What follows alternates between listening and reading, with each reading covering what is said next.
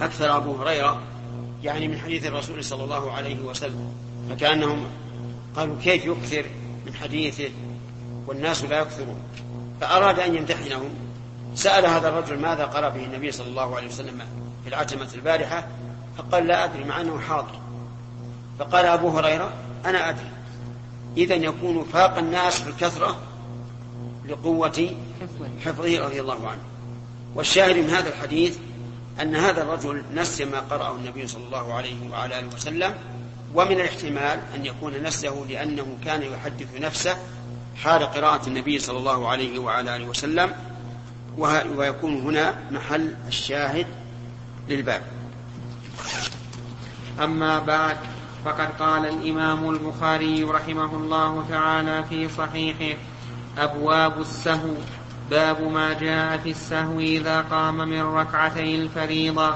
حدثنا عبد الله بن يوسف قال أخبرنا مالك بن أنس عن ابن شهاب عن عبد الرحمن الأعرج عن عبد الله بن بحينة رضي الله عنه أنه قال صلى لنا رسول الله صلى الله عليه وسلم ركعتين من بعض الصلوات ثم قام فلم يجلس فقام الناس معه فلما قضى صلاته ونظرنا تسليمه كبر قبل التسليم فسجد سجدتين وهو جالس ثم سلم. حدثنا عبد الله بن يوسف قال أخبرنا مالك عن مالك عن يحيى بن سعيد عن عبد الرحمن الأعرج عن عبد الله بن بحينة رضي الله عنه أنه قال إن رسول الله صلى الله عليه وسلم قام من اثنتين من الظهر لم يجلس بينهما. فلما قضى صلاته سجد سجدتين ثم سلم بعد ذلك. السهو يقال سهى عن كذا وسهى في كذا. فالسهو عن كذا يعني الغفلة عنه. وقد توعد الله سبحانه وتعالى المصلين الذين هم عن صلاتهم سهوا والسهو في كذا يعني نسيان شيء منه والسهو في الصلاة واقع من النبي صلى الله عليه وعلى آله وسلم. وقد أخبر صلى الله عليه وسلم أنه بشر مثلنا. ينسى كما ننسى. وأسباب سجود السهو ثلاثة زيادة ونقص وشك هذه أسباب سجود السهو ولا ولا ولا تزيد. زيادة ونقص وشك الزيادة إن كانت من غير جنس الصلاة فهذه لا سهو فيها. كالعمل والحركة وما أشبه ذلك هذه لا سهو فيها. حتى لو نسي مثلا وفعل شيئا مما ليس من جنس الصلاة فإنه ليس فيه سجود. هذا يبحث فيه هل يبطل الصلاة أو لا يبطلها. لكن الزيادة من جنس الصلاة قياما أو قعودا أو ركوعا أو سجودا. النقص ينقسم إلى قسمين. بل إلى ثلاثة. نقص ركن ونقص واجب ونقص سنة. أما نقص الركن فسيأتي إن شاء الله أنه لا بد أن يأتي بما نقص من الأركان. ولا يجزئ عنه سجود السهو. وأما نقص الواجب فيجزئ عنه سجود السهو.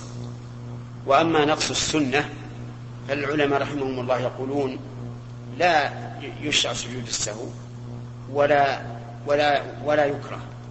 لكن ينبغي أن يقال في نقص السنة إن كان من عادته أن يفعلها ونسي فينبغي أن يسجد ولكن لا يجب السجود لأن هذه السنة لو تركها عمدا لصحت صلاته فإذا ترك جابرها عمدا صحت صلاته مثال ذلك رجل نسي أن يقرأ سورة مع الفاتحة في الركعة الأولى وكان من عادته أنه يقرأها. فهذا نقص قولا مشروعا. فينبغي أن يجبر بسجود السهو. ولكن لو ترك السجود فلا شيء عليه.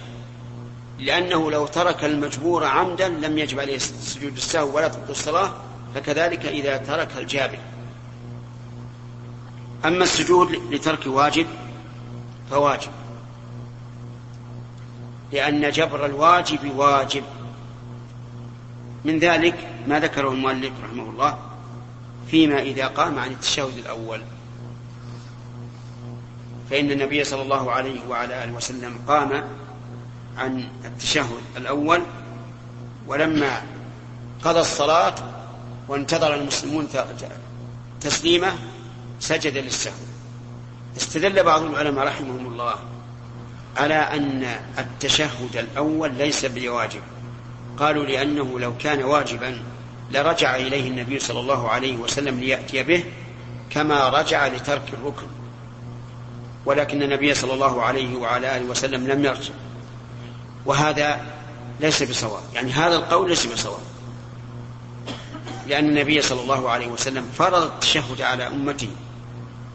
قال ابن مسعود رضي الله عنه كنا نقول قبل أن يفرض علينا التشهد. وهذا عام للتشهدين الأول والثاني. فلما جبر سجود التشهد الأول بسجود السهو علمنا أنه إيش؟ فرض ولكنه ليس بركن. فنجمع بين الحديثين بأنه فرض ولكنه ليس بركن.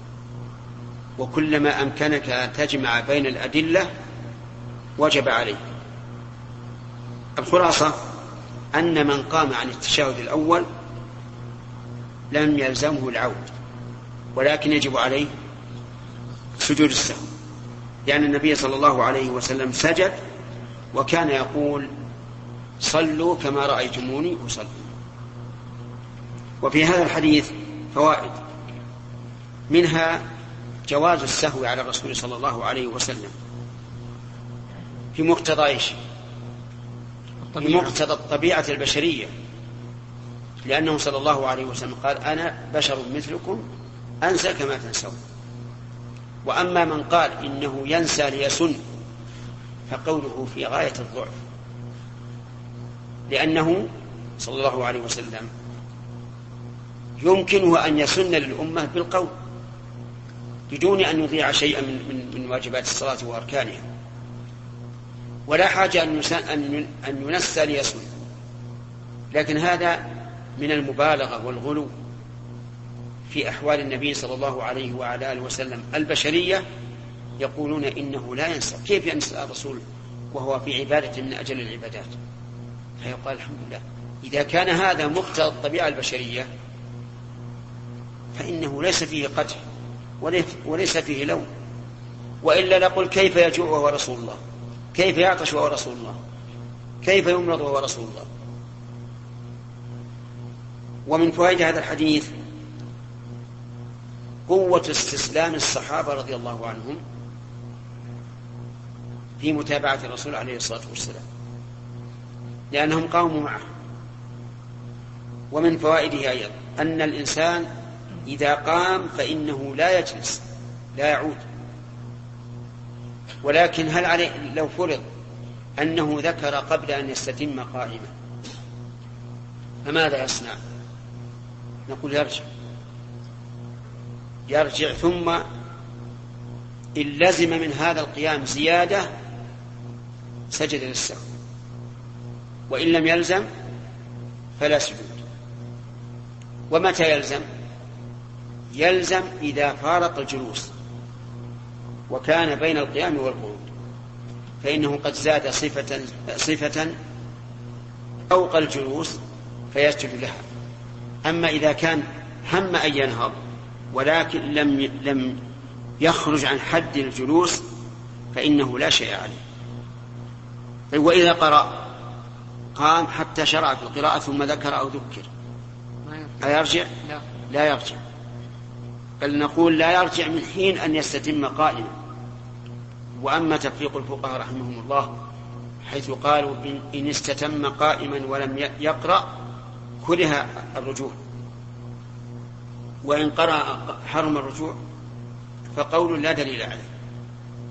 والصواب أنه متى استتم قائما فإنه لا يرجع لأنه فارق محل الواجب الذي ترك. ومن فوائد هذا الحديث آه، مشروعية سجود السهو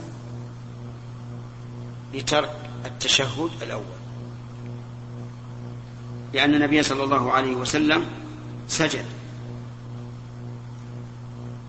وهل مثله كل واجب؟ الجواب نعم. جميع الواجبات التي ذكرها الفقهاء رحمهم الله إذا تركت سهوا فإنه إيش؟ يسجد السهو. وعلى هذا لو ترك إحدى التكبيرات غير تكبيرة الإحرام سهوا فإنه يجب عليه سجود السهو. طيب لو نسي أن يكبر للسجود ولم يذكر إلا حين سجد أيكبر أو لا؟ لا يكبر. لا يكبر لأن لأن السجود ليس محل للتكبير. فهو واجب فات موضعه. كما لو قام عن التشهد الأول. وعلى هذا يجب عليه إيش؟ سجود السهو. يجب عليه سجود السهو لأنه ترك واجبا. وهكذا يقال فيما لو ترك سبحان رب الأعلى أو سبحان رب العظيم. ومن فوائد هذا الحديث أن السجود لترك التشهد يكون قبل السلام. لأن النبي صلى الله عليه وعلى آله وسلم سجد قبل السلام. والحكمة من هذا ظاهرة. لأن الخلل في الصلاة هنا نقص. فكان من الحكمة أن يكون الجابر قبل السلام حتى لا يخرج من الصلاة إلا وقد أكمل الخلل. وعلى هذا فنقول كلما كان سجود السهو عن نقص واجب فإن محله متى؟ قبل السلام. كلما كان سجود السهو عن نقص واجب فمحله قبل السلام. ودليل هذا الحديث وحكمته أن النقص في الصلاة ينبغي أن يجبر قبل الانتهاء منها. ومن فوائد هذا الحديث أن التسليمتين ليستا من الصلاة. لقوله فلما قضى صلاته.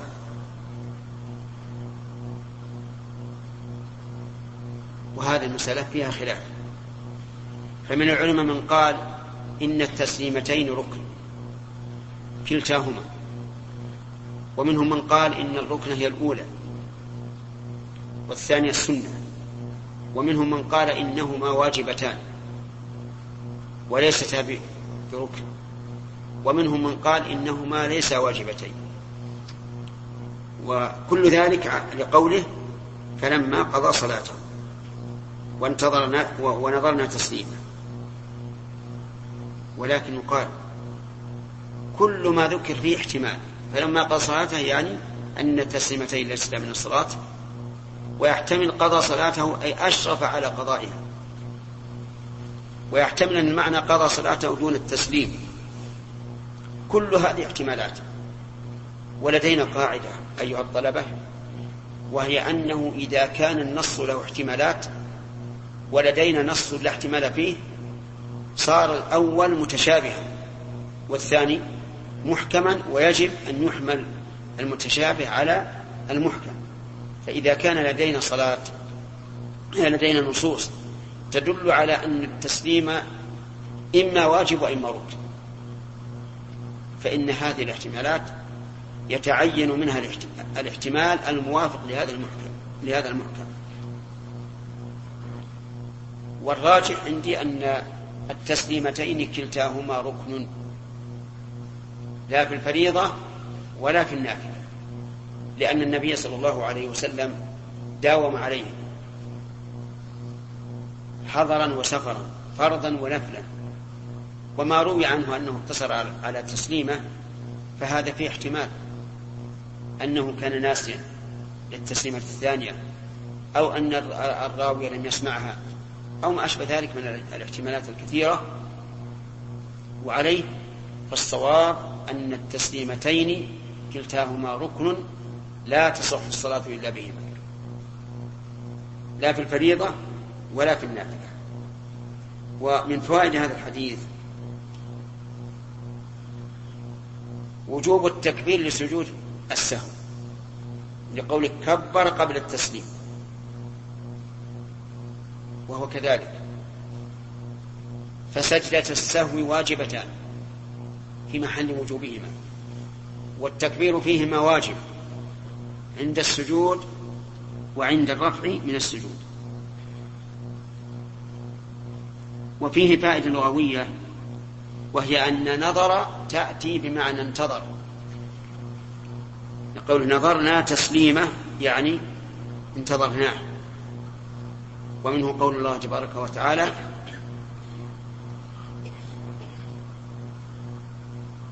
انظرونا نقتبس من نوركم. انظرونا نقتبس من نوركم. يعني انتظرونا. ومنه قوله تعالى يا أيها الذين آمنوا لا تقولوا راعنا وقولوا انظرنا يعني انتظرنا. نعم. نعم.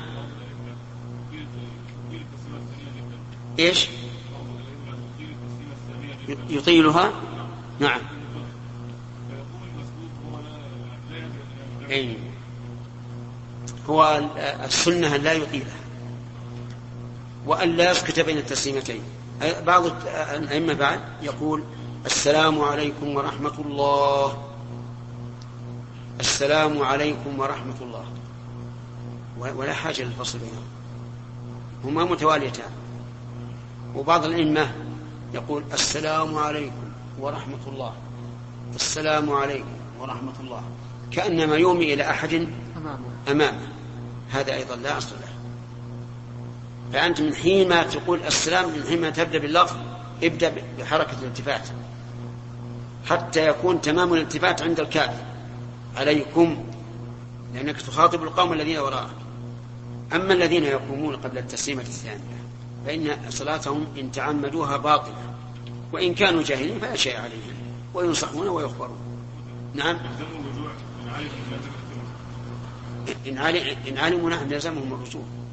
لا سيما إذا قلنا إن التسليمتين كلتاهما ركن. لأن صلاة الإمام لم تتم بعد. نعم.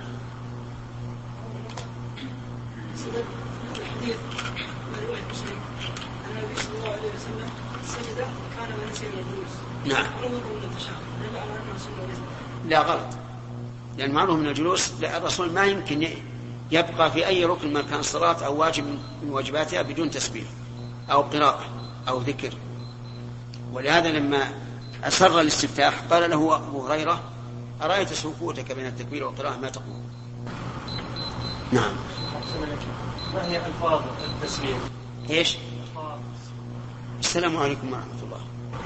في بعضهم يشددون السلام عليكم وبعضهم يقول السلام عليكم يعني يحذف الالف واللام؟ لا لا تحذف. بالتعريف السلام عليكم ورحمة الله. نعم.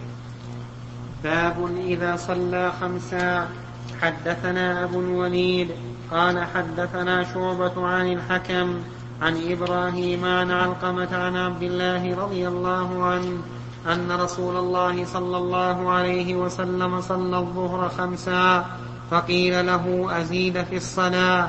فقال وما ذاك؟ قالوا صليت خمسا فسجد سجدتين بعدما سلم. عبد الله بن مسعود.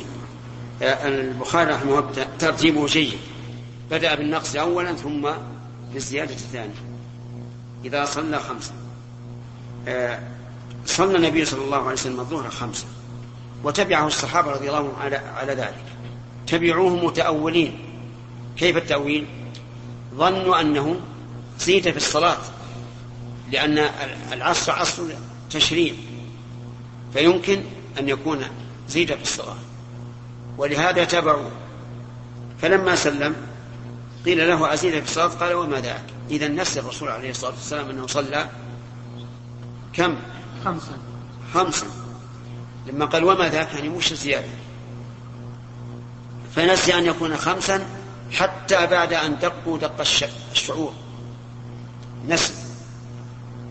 مما يدل على أن نسيانه حقيقة. وأنه نسيان بمقتضى الطبيعة البشرية. قالوا صليت خمسا. فسجد سجدتين بعدما سلم. انصرف إلى القبلة ثم سجد سجدتين. هنا لم يذكر السلام التكبير لكن سبق أنه لا بد من التكبير. في هذا الحديث دليل على على فوائد. منها أن من فعل شيئا متأولا فلا شيء عليه. فإن الصحابة زادوا في صلاتهم وهم يعلمون أنها زائدة لكنهم كانوا إيش؟ متأولين. ويلحق بذلك الجاهل. فإن الإنسان إذا فعل زيادة في العبادة جاهلا فلا شيء عليه. ويلحق بذلك الناس أيضا كما هنا. ومن فوائد هذا الحديث أن النبي صلى الله عليه وسلم يطرأ عليه النسيان كما يطرأ على غيره. ومن فوائد هذا الحديث أن النسخ في الشريعة الإسلامية جائز لأن الصحابة رضي الله عنهم تأولوه ولا يتأولون إلا ما كان جائزا ولأن النبي صلى الله عليه وعلى آله وسلم لم ينكر عليه لم يقل كيف تكون الزيادة ما لا يمكن أن تكون الزيادة. ومن فوائد هذا الحديث وجوب استقبال القبلة في سجود السهو. لأن في بعض ألفاظه أنه ثنى رجليه وسجد سجدتين. ومن فوائد هذا الحديث أن سجود السهو للزيادة يكون بعد بعد السلام. لأن النبي صلى الله عليه وسلم سجد بعد السلام. فإن قال قائل إنما سجد بعد السلام لأنه لم يعلم بعد السلام لم يعلم بالسهو إلا بعد السلام. نقول لو كان هذا مخالفا للمشروع. لنبه عليه النبي عليه الصلاة والسلام ولقال إذا زدتم في صلاتكم فاسجدوا قبل أن تسلموا. لأنه يعلم أن الناس يقتدون به صلى الله عليه وسلم. فيكون هذا الاحتمال الذي أورده بعض العلماء. وقال إن السجود في الزيادة يكون قبل السلام لكن الرسول صلى الله عليه وسلم إنما سجد بعد السلام لأنه لم يعلم بالزيادة. فيقال لو كان سجود السهو للزيادة قبل السلام لبينه عليه الصلاة والسلام. ومن فوائد هذا الحديث نعم بقينا أن نقول ما هي الحكمة في أن النقص قبل السلام والزيادة بعده؟ الحكمة أن سجود السهو زائد عن ماهية الصلاة. أليس كذلك؟ والزيادة زائدة عن ماهية الصلاة فكان من الحكمة أن لا يكون سجود السهو قبل السلام لأنه لو كان قبل السلام لزم أن يكون في الصلاة زيادتان وتخفيف الزيادة ما أمكن هو المناسب للحكمة. وعلى هذا فنقول إن الحكمة أن يكون سجود السهو للزيادة عندكم جواب. بعد السلام. طيب فإن سجد قبل أن يسلم في الزيادة فأكثر العلماء أن الصلاة صحيحة يقولون لأن محل سجود السهو قبل السلام أو بعده على سبيل الاستحباب. واختار شيخ الإسلام ابن تيمية وناهيك به عالما فقيها أن من تعمد أن يسجد للسهو قبل السلام فيما محله بعد السلام فصلاته باطلة. لأنه زاد في الصلاة ما لم يكن مشروعا فيها. ومن تعمد أن يؤخر سجود السهو الذي قبل السلام إلى ما بعد السلام فصلاته باطلة. لأنه نقص من الصلاة ما يجب أن يكون فيها. ولا شك أن كلامه رحمه الله أفقه وأقرب إلى القواعد لكن أن لنا رجل من الأئمة يعرف أن سجود السهو هذا قبل السلام أو هذا بعده. هذا قليل نادر. نقول أنذر من الكبريت الأحمر إن كنتم تعرفونه. يعني نادر نادر اللي يعرف هذا. ثم إن بعض العارفين به يتلاعب بهم الهوى. وأتحاشى أن أقول الشيطان. يقولون إذا فعلنا ذلك شوشنا على الناس. فما جوابنا على هذا؟ أن نقول لنشوش على الناس. لأن الناس إذا وثقوا بالإمام بعلمه لم يتخذوا من ذلك انتقادا عليه وإنما يتخذون من ذلك تأسيا به واقتداء به ويبحثون متى يكون بعد السلام متى يكون قبل السلام. ولقد عهدنا أئمة لا يعرفون السجود إلا قبل السلام. حتى هيأ الله لنا شيخنا عبد الرحمن بن سعدي رحمه الله وجزاه خيرا وسجد بعد السلام. واستنكر الناس ذلك وتعجبوا لكنه رحمه الله يحدث الناس ويخبرهم بسبب كون السجود قبل أو بعد. فاستفاد الناس وعرفوا السنة. وصاروا يسجدون قبل السلام في محله وبعد السلام في محله ولم يكن تشويش بل كان تثبيتا لسنة الرسول صلى الله عليه وسلم. هل مثل ذلك لو زاد الإنسان سجدة في ركعة بأن سجد ثلاث مرات يسجد قبل السلام أو بعده؟ يسجد بعد السلام. طيب. إذا قام الإمام إلى خامسة في عهدنا الآن هل ننبهه؟ نعم. أو لا؟ نعم يجب أن ننبهه ويجب عليه أن يرجع. إلا إذا تيقن صواب نفسه فإنه لا يمكن أن يرجع لقول غيره مع تيقنه صواب نفسه. لكن هذا نادر. يعني لا يمكن أن يكون هو صوابا والمنبهون له على صواب. لا يمكن. لكن لو فرض أن الرجل تيقن صواب نفسه وهم تيقنوا صواب أنفسهم أنه قام إلى زائدة. فماذا نعمل؟ نقول أما هو فيمضي في صلاته. فيما زاد. وأما. وأما المأمومون فيجلسون ولا يتابعون. لكن هل يسلمون أو ينتظرون؟ نعم نقول لو تيقنوا أنه زائد فليفارقوه لأن صلاته صارت في نظرهم إيش؟ باطلة ولا يمكن أن ينتظروه وصلاته باطلة بل يلزمهم المفارقة وأما إذا كان في احتمال أن عمله صواب فلينتظروا. ينتظروا ليسلموا معه. وإن سلموا في هذه الحال لاحتمال الحال الأولى فلا بأس. كثيرا ما يقع أن الإمام يقوم إلى خامسة في الظهر فينبهه الناس ولكن يستمر.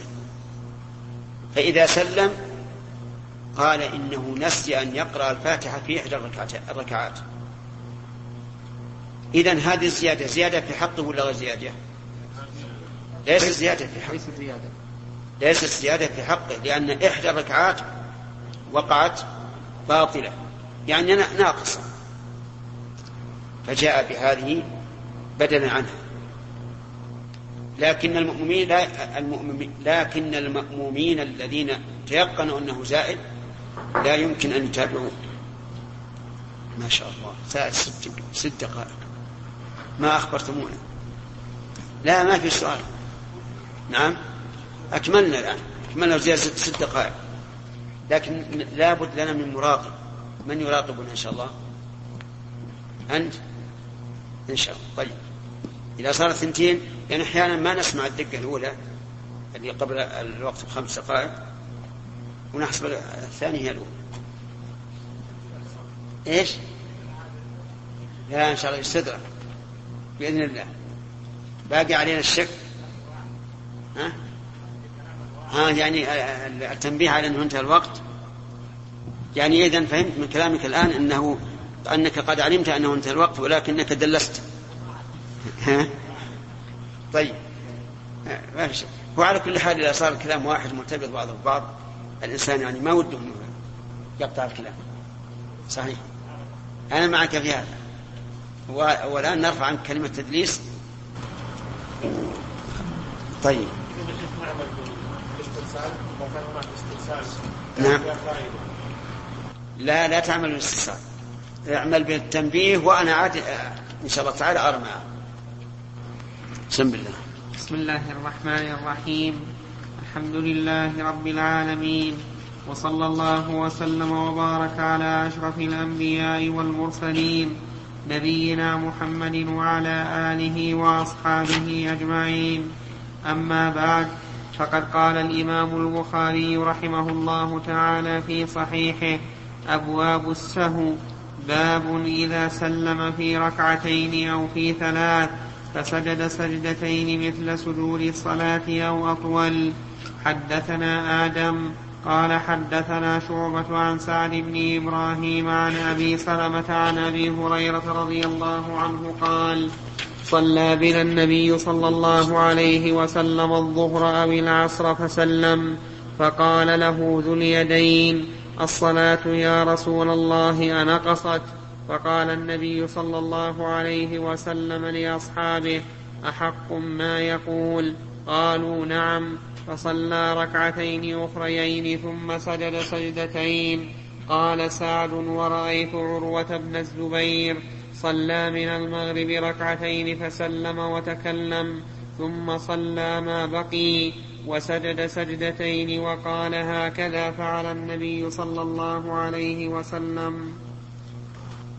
هذا فيما إذا سلم الإنسان عن نقص يعني قبل أن يتم صلاته سواء سلم من ثلاث في رباعية أو من ركعتين في رباعية أو ثلاثية.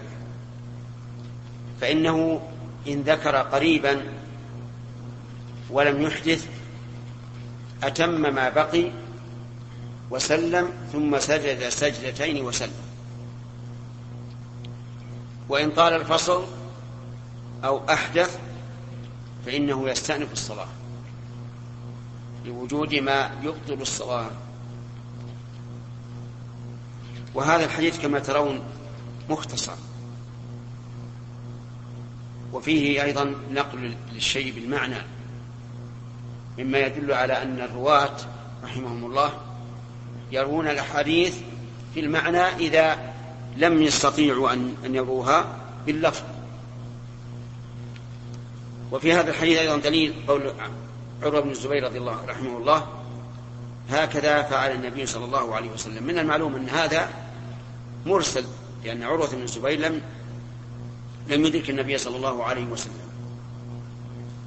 وقوله هكذا فعل ليس في صلاة المغرب لكن في كونه أتم الصلاة وسجد للسهو ففيه إثبات القياس.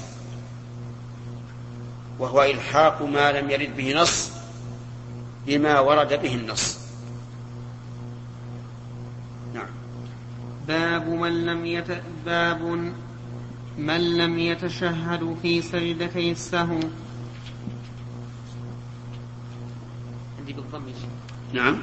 من لم يتشهدوا لا بالسكون عندنا بالسكون باب من لم يتشهد في سجدتي السهو وسلم أنس والحسن ولم يتشهدا وقال قتادة لا يتشهد. حدثنا عبد الله بن يوسف قال أخبرنا مالك بن أنس عن أيوب بن أبي تميمة السختياني. السختياني. السختياني. السخت السخ السختياني. عن محمد بن سيرين عن أبي هريرة رضي الله عنه أن رسول الله صلى الله عليه وسلم انصرف من اثنتين فقال له ذو اليدين أقصرت الصلاة أم نسيت يا رسول أقصرت الصلاة أم نسيت يا رسول الله؟ فقال رسول الله صلى الله عليه وسلم أصدق ذو اليدين؟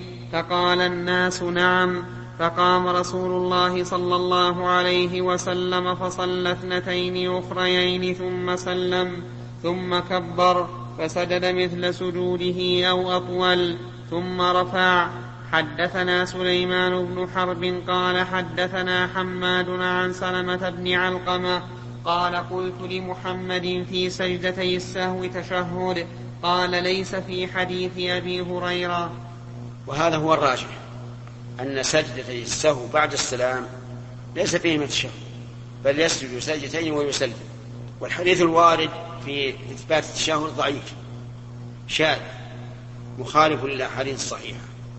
فالصواب أنه لا لا تشهد بعد سجدتي السهو باب من يكبر في سجدتي السهو حدثنا حفص بن عمر قال حدثنا يزيد بن إبراهيم عن محمد عن أبي هريرة رضي الله عنه قال صلى النبي صلى الله عليه وسلم إحدى صلاتي العشي. قال محمد وأكثر ظن العصر ركعتين. ثم سلم. ثم قام إلى خشبة في مقدم المسجد فوضع يده عليها وفيهم أبو بكر وعمر رضي الله عنهما فهابا أن يكلما. وخرج سرعان الناس فقالوا أقصرت الصلاة ورجل يدعوه النبي صلى الله عليه وسلم ذا اليدين فقال أنسيت أم قصرت؟ فقال لم أنس ولم تقصر. قال بلى قد نسيت. فصلى ركعتين ثم سلم ثم كبر فسجد مثل سجوده أو أطول ثم رفع رأسه فكبر ثم وضع رأسه فكبر فسجد مثل سجوده أو أطول ثم رفع رأسه وكبر. فهذا أطول ما, ما ساقه البخاري رحمه الله في هذا الحديث وهو بتمامه أن الرسول صلى الله عليه وسلم صلى إحدى صلاتي العشي. العشي هو آخر النهار كما قال تعالى ولهم رزقهم فيها بكرة وعشيا. وصلاة وصلاة العشي هما الظهر والعصر. يقول محمد بن سيرين رحمه الله أكبر أكبر ظني أنها العصر. والحكم لا يختلف لأن الظهر والعصر كلتاهما رباعي يقول صلى ركعتين ثم سلم ثم قام إلى خشبة في مقدم المسجد. معروضة على مقدم المسجد و واتكأ عليها. عليه الصلاة والسلام وشبك بين أصابعه ووضع خده على ظهر كفه كأنه غضبان. يعني لم ينشرح صدره. وهذا من رحمة الله عز وجل بعبده أنه إذا لم تتم العبادة يجد الإنسان انقباضا حتى يحدث نفسه ماذا جرى ماذا حصل. فينتبه لماذا حصل. وإلا فكيف ينصرف الرسول صلى الله عليه وعلى آله وسلم من صلاته التي يناجي فيها ربه ثم ينصرف وهو غضبان لا بد أن هناك سبب. اتكى علي وفي, وفي القوم أخص الناس به أبو بكر وعمر. هما أخص الناس به ولكن للنبي صلى الله عليه وسلم هيبة. في القلوب. هذا أن يكلمان لكن هناك رجل له يدان طويلتان. كان النبي صلى الله عليه وعلى آله وسلم يداعبه. يسميه ذا اليدين. يا ذا اليدين. فتكلم بكلام يعجز كثير من أهل المنطق أن يتكلموا بمثله. قال أنسيت أم قصرت الصلاة في هذا هذه الجملة صبر وتقسيم وأدب. لأن حال النبي عليه الصلاة والسلام إما أن ينسى وإما أن تنسخ الصلاة من أربع إلى ركعتين. هناك قسم ثالث لكن لا يمكن أن يقع من الرسول عليه الصلاة والسلام وهو أن يسلم قبل إتمامها عمدا. هذا لا يمكن. ولذلك لو قال قائل إن هذا الصبر ناقص نقول هو ليس بناقص بالنسبة لمقام الرسول صلى الله عليه وسلم. لأن القسم الثالث ممتنع على الرسول عليه الصلاة والسلام. ولذلك لم يذكره. وهذا يدل على ذكاء الصحابة رضي الله عنهم مع شدة أدبهم. وهو شاهد لقول شيخ الإسلام رحمه الله كنت أظن دائما أن المنطق اليوناني لا يحتاج إليه الذكي ولا ينتفع به البليد. إذن فهو علم خائن. ما دام الذكي لا, لا, يحتاج إليه والبليد لا ينتفع به. إذن ما قيمته؟ فالمهم أن ذا اليدين رضي الله عنه قال أنسيت أم قصرت الصلاة؟ فقال النبي صلى الله عليه وسلم لم أنسى ولم تقصر. وهذا خبر من أصدق الخلق خبرا أنه ما نسي ولا قصرت الصلاة. إخباره عن كونه لم ينسى إخبار عن ظن. وهذا شاهد لما قلناه قبل قليل بالنسبة إيش؟ للأيمان. أن الإنسان إذا تكلم عما يظنه فإنه لا يعد كاذبا ولا يحنث به إن كان مستقبلا. قال لم أنس ولم ولم تقصر. ذو اليدين رضي الله عنه لما نفى الرسول صلى الله عليه وسلم أن يكون الحكم قد نسخ وأن الصلاة و و و وأثبت أن الصلاة باقية على أربع. ماذا يتعين؟ النسيان. يتعين النسيان. فقال بلى نسي قد نسيت. بلى قد نسيت.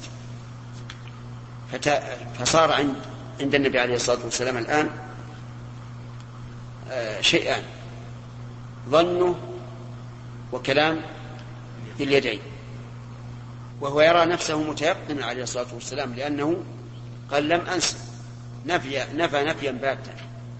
إذا لا بد من حكم لا بد من حكم وقرينة. فرجع النبي صلى الله عليه وسلم إلى إلى الناس وسألهم قال أحق ما يقول ذي اليدين؟ قالوا نعم. بعضهم قال نعم بهذا اللفظ وبعضهم أومى يعني نعم. وحينئذ تبين للرسول صلى الله عليه وعلى آله وسلم أنه نسي فيقول فصلى ركعتين. في في بعض الروايات المطولة تقدم وصلى ركعتين. تقدم إلى أين؟ إلى مكان صلاته. لأن الآن تقدم إلى مقدم المسجد. تقدم يعني إلى مكانه الذي كان يصلي فيه. فصلى ركعتين. ثم سلم ثم سجد سجدتين وسلم. هذه القصة وهذه فيها فوائد كثيرة. منها أن النبي صلى الله عليه وعلى آله وسلم يجوز عليه النسيان. يجوز عليه النسيان في في أفعاله. وهل يجوز عليه النسيان في تبليغ الرسالة؟ قال بعض العلماء نعم قد ينسى. لقوله تعالى سنقرئك فلا تنسى إلا ما شاء الله. فقد ينسيه الله عز وجل الآية ولكن هذا النسيان يسمى نسخا. ولهذا جعل بعض العلماء من أدلة النسخ قوله تعالى سنقرئك فلا تنسى إلا ما شاء الله إنه يعلم الجهر وما يخفى. أما في أفعاله فلا شك أنه بشر يقع منه النسيان كما يقع من من سائر البشر. ومن فوائد هذا الحديث شدة هيبة النبي صلى الله عليه وسلم في قلوب أصحابه ولو كانوا أخص الناس به. دليل أن الناس هابوا أن يكلموه حتى أبو بكر وعمر هابا أن يكلماه.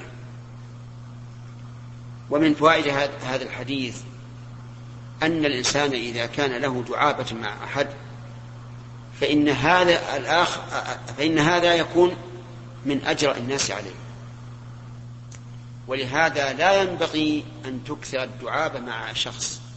لأنه ربما يمتهنك في موضع لا تحب ذلك. أيها الإخوة لم يتم التعليق في هذا الشريط ويمكن إتمامه في الشريط الذي يليه.